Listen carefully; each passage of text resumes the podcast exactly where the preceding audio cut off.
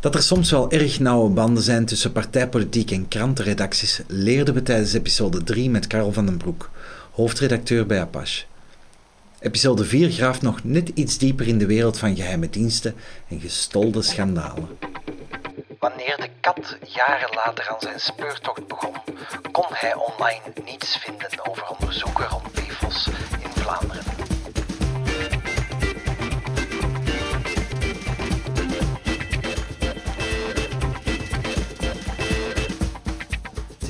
NRC-verhaal zit een verhaal waarbij dan een redactie van een, een linksblad permanent geschaduwd werd door een team dat daar Ja, dat fulltime op werkte. Denk je dat we daar ook beelden van zien? Ik heb wel collega's die eh, al wat langer in de stiel zitten, die, die nu met pensioen zijn, die daar eh, indianenverhalen en straffenverhalen over kunnen vertellen, die ook bronnen hebben in de staatsveiligheid. Wat je ook soms ziet is dat er eh, lekken zijn, dat je verslagen krijgt, eh, informatieverslagen van informanten van de staatsveiligheid. Maar goed, een informatieverslag van een informant, wat is dat waard? Hè? Dat is iemand die iets dat is gezien heeft. spinnen eigenlijk. hè? Ja, dat is ja. ook spinnen. Je weet, zo heeft men bijvoorbeeld ooit eh, de, de Vlaamse inzending voor het Eurovisie Songfestival eh, van Urban Threat, omdat daar iemand tussen zat die extreemrechtse sympathieën had. En dat was op basis van een verslag van, van de staatsveiligheid. Maar hoe komt dat dan in handen van politici? Soms zeer vreemd, soms zijn dat politici waar je helemaal niet van verwacht dat die hebben uit extreemrechtse hoek, die plots papieren van de staatsveiligheid in hun bezit blijken te hebben. Dat is heel raar. Dus dat, zijn zo, dat is iets waar je... ehm, moet nu wel zeggen, de staatsveiligheid tegenwoordig heeft ook gewoon een woordvoerder, dan kan die gewoon bellen. Dus in die zin hebben die ook wel een PR. eh, en, en, en die hebben ook wel gezien tijdens de, de, de War on Terror dat zoiets als een staatsveiligheid misschien toch wel een nut kan hebben voor een land, hè, voor, de, voor de interne veiligheid. Mhm. En als er eh, aanslagen worden vereideld, dan applaus. Als je nu ziet het Europees Parlement, heel de, de heisa die daar gebeurd is, de omkoperij is ook via de staatsveiligheid Ja. dat die zaak aan het rollen is gebracht. Maar ja, dat journalisten... eh, ik vond het bijvoorbeeld vreemd. Wij hebben onlangs geschreven dat er in 2012 een informatieverslag van de staatsveiligheid is waarin staat dat Bart de Wever gaan eten was met een hele belangrijke vastgoedpromotor. En dat die informant van de staatsveiligheid zei, dat is toch wel in de gaten te houden, want die vastgoedpromotor staat bekend als iemand die politici omkoopt. Nu, los van wat daar in dat verslag staat, daar, daar spreekt men niet over uit. Dat zal allemaal waar of niet waar zijn. Maar het feit dat de staatsveiligheid de voorzitter van de grootste partij laat volgen, dat vind ik wel politiek dan weer eh, opmerkelijk. Oké, het was in 2012, hij zat nog in de oppositie op dat moment, Ja, maar toch. ja. Maar dan hoor ik, ja, maar dat is schering en inslag, de staatsveiligheid volgt alle politici. Ja, ergens, want ik, ik ben dan het statuut van de staatsveiligheid ook gaan opzoeken en in Mm. principe, ja, dat is eh, merkwaardig hoe breed dat dat is. Hè. Ja, Eh. Want eigenlijk zeggen ze heel duidelijk van, ja, als het iets te maken heeft met strategische belangen Mm. Van de natie, Ja. dan mogen wij ons er eigenlijk mee moeien. Daar komt het grosso Eh, modo op neer. de militaire veiligheid mag dan nog, die mogen nog meer onder, de radar blijven, denk ik. Ja. Ja, en dan, maar dan denk je, ja, kijk, eh, eh, eh, bijvoorbeeld een milieuprobleem, ja, de, de democratische stabiliteit wordt dan plots bedreigd. Mm, mm.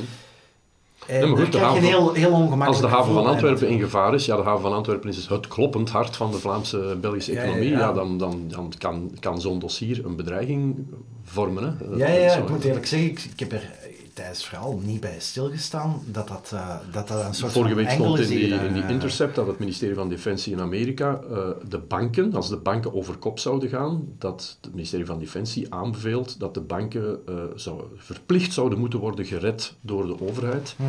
Omdat als banken geen krediet meer zouden geven aan bijvoorbeeld IT-bedrijven, dat dan die IT-bedrijven, als die voor defensie werken, de strategische belangen van Amerika zouden kunnen schaden. Dus eigenlijk als vanuit... Als de banken als een soort eh, staatsbelang worden gezien Ja, en, en eh, national security, ja, dan dat is de, de mooiste bescherming die banken kunnen hebben dan natuurlijk. Hè. Wat ze Ja. ook fout doen, ze willen toch altijd gered worden. En dat is ergens ook eh, een, een, hetgeen wat de een beetje ook eh, afschermt. Hè? Want daar kan je ook van zeggen, ja, dat heeft een strategisch belang. Ik begrijp bij Oosterweel niet, ik begrijp bij niet dat we voor elke euro moet, die moet omgedraaid worden, eh, staan de kranten vol. En als het Rekenhof nu al denk ik voor de vijfde keer zegt dat, het, dat Oosterweel onbetaalbaar is en een gigantische hypotheek legt op de begroting van de toekomstige generaties, dat haalt zelfs geen voorpagina meer. Nee.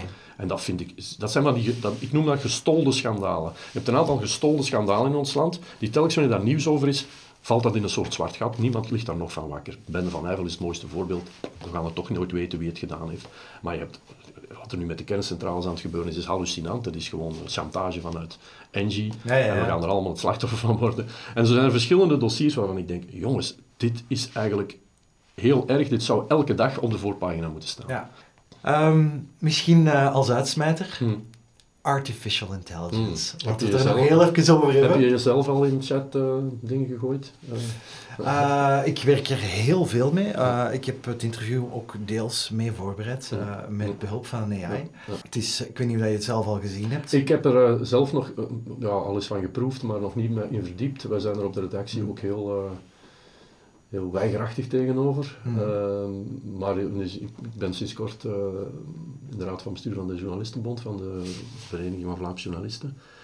Eh, of Vlaamse Vereniging van Journalisten, ehm, waar het een, wel een issue is, want er zijn heel veel aspecten van onze stijl waar die, eh, die artificial intelligence nu al wordt gebruikt en nog meer en meer zal gebruikt worden.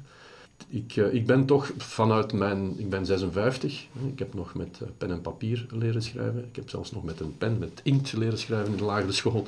Ehm, dit, dit gaat mijn bev- be- bevattingsvermogen te boven. Eh, en daar ben ik, daarom ben ik er bang van. Ehm, Ik denk, het grote probleem is het volume. Hè? Dus als je kijkt naar die, die nieuwe generatie ja, tekstgeneratoren, ik zal het zo maar noemen, die kunnen eigenlijk al enkele jaren eh, zeer, zeer geloofwaardige tekst produceren. mm, mm.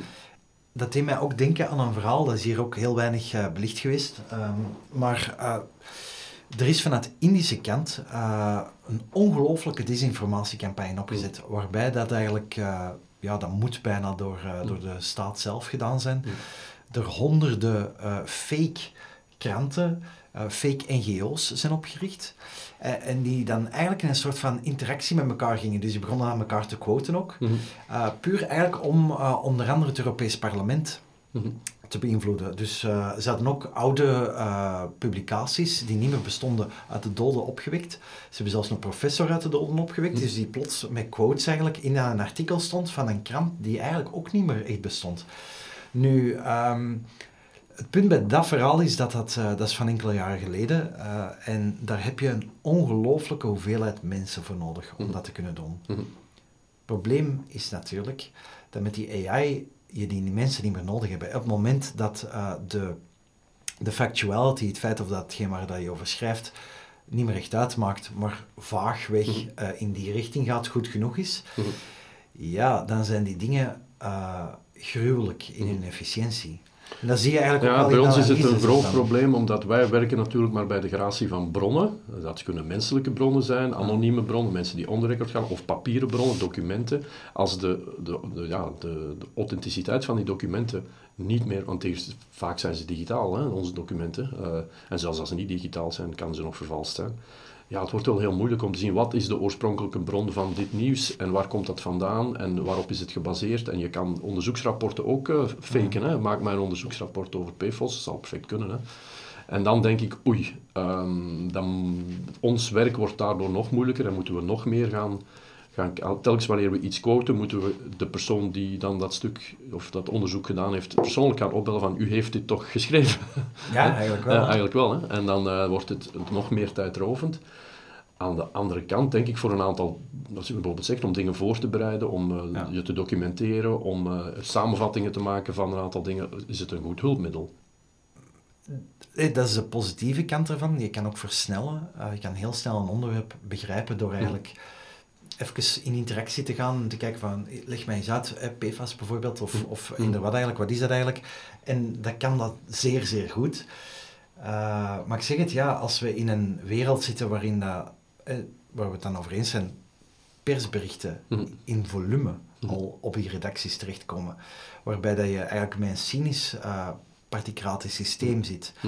Uh, ja, die gaan de opportuniteit wel ruiken natuurlijk. Mhm. Als bij die kabinetten uh, er iemand zegt van, bon, ik ga hier persberichten aan een nog iets hoger volume Ja, bij persberichten is het een soort uh, mystiek huwelijk tussen aan de ene kant diegene die persbericht maakt en de media. Omdat het feit dat het nu 24 uur op 24 uur nieuws is, er zitten zelfs Belgische journalisten in Australië Mm. om, het nacht, om de nachtshift te doen van het laatste nieuws en van Belga. Want het is gemakkelijk, het is goedkoper van iemand in Australië een appartementje te geven en een freelance contract dan die hier uh, na, uh, de volledige pre voor nachtvergoedingen te betalen. Dus uh, als er s'nachts iets gebeurt in ons land, dan wordt dat stuk geschreven vanuit Australië. Wow. Ja, dat zijn van die, van die besparingsoperaties. En, en jonge journalisten willen wel eens graag een jaar in Australië gaan zitten, die vinden dat geweldig. Uh, want anders zitten ze in België s'nachts te werken, uh, helemaal alleen met een kop koffie, uh, om, om permanentie te doen, de, om de nachtshift te doen. Wat vroeger alleen Belga deed. Belga deed de nacht. Als koning Boudewijn stierf, nee, ja. maar één Belga had dan koning Boudewijn stierf om vier uur s'nachts. En die sturen dan een flashbericht uit en dan alle kranten. maar nu hebben we de, de, de grootste websites hebben ook avond-nacht-shifts. Die persberichten worden meestal gewoon copy-paste. Het persbericht, hmm. wel wat gefatsoeneerd, vaak met dezelfde dt-fouten in die er al in stonden. Om het nieuws, gewoon om het nieuws mee te hebben. Maar dat wil zeggen dat de teneur van dat artikel, van dat persbericht, ook al de teneur van het nieuws gaat bepalen. Natuurlijk. Maar het is soms hilarisch. Ik heb uh, voorbeelden van vrienden die uh, lokaal actief waren in de politiek. Uh, een persbericht over een politiek probleem in de, in de stad, ondertekend door de fractieleider. En copy-paste en de naam van de fractieleider was mee gekopieerd, alsof het de journalist van de krant was. Dus zo snel kan het gaan. Er is zelfs een verhaal geweest dat een krant, ik ga het niet noemen, de persdiensten van de centrumsteden had gemaild met de vraag om de persberichten die, de pers, die de, vanuit het stadhuis worden uitgestuurd, rechtstreeks op de website van de krant te zetten. Dan moesten zij dat niet meer doen. En dat hebben dan de persdiensten van die centrumsteden gezegd, ja, maar dat gaan we niet doen. Ja, ik, ik vermoed dat, dat daar, uh, dat we, ja, gewoon door het economische model, het kan bijna niet anders dan mm. dat er enorm veel overgenomen wordt door AI's. En ik vraag mij af of dat dan eigenlijk het niet eerlijker, correcter zou zijn van, uh, van dan maar meteen de middelbare ja, eruit te snijden en te zeggen, bon, hè, hier, hier, is, uh, hier is wat de overheid te vertellen heeft. Ja door een AI Maar ik denk dat voor ons bij, als bij de journalisten was er een bepaald moment heb je native advertising gehad. Dat zijn artikels, dat zijn advertenties verpakt als artikels. Ja. dat is een tijdje de nieuwe, uh, de nieuwe, altijd, de, de, nieuwe graal geweest van de journalistiek. Van de om de adverteerders die allemaal naar het internet liepen, naar Facebook en Twitter en, en, en YouTube en Google, om die terug bij de krant te krijgen. Maar dan hebben wij als journalisten gezegd, oké, dat moet daar wel boven staan. Er moet wel boven staan, dit is een advertentie. Maar bij AI zou ik mij wel kunnen vinden in bepaalde, bijvoorbeeld uh, beursberichtgeving van, van financiële kranten. Goed, ja, het is nu al bijna automatische piloot. Dat daarboven staat, dit artikel is uh, door artificial intelligence gegenereerd. Dat je dat, dat signaal toch geeft aan de lezer. Dat is toch het minste wat we zo kunnen verwachten. En ik zou ook eigenlijk bij, bij uh, en dat is misschien iets om, om voor te pleiten bij de journalistenbond of zo, maar dat als een, als een nieuwsartikel gewoon gebaseerd is op een persbericht... Mm uh, op zijn minst dat erbij te zetten en te linken naar persbericht. Hmm. Of naar uh, de studie, ja. wat je ook vaak hebt, hè, dat er dan zo een, een, uh, een Dat is nu wel iets wat, wat, wat verschil is met vroeger. Vroeger in een krant er werd er verwezen naar een studie en ja, je moest dan zelf maar op zoek gaan naar die studie. Nu, digitaal, wordt er heel veel gelinkt naar de primaire bron. Vaak nog niet, hè? Ja. Allee, zelfs bij kwaliteitskranten, ik verschiet er een beetje van. Uh, maar ik denk dat het dat een eerlijker beeld zou geven. Omdat je dan bijvoorbeeld zou kunnen zeggen, ah, ik ga toch eens kijken naar, naar dat persbericht, wat dat was. Ja, ja, en als het dan ja, gewoon bijna hetzelfde is, dan weet je ook, ja, dat nieuwsbericht, mm. bon, uh, kan je tenminste door een bepaalde bril kijken. We kunnen dan een beetje in het midden laten of het dan uh, een goed bericht is of mhm, niet. Mhm. Het hangt van het persbericht dan af. Hè. Het zijn boeiende tijden voor de journalistiek, maar dat is het eigenlijk altijd al geweest. We houden het in de gaten. Ja. Dankjewel om te komen. Dat is graag gedaan.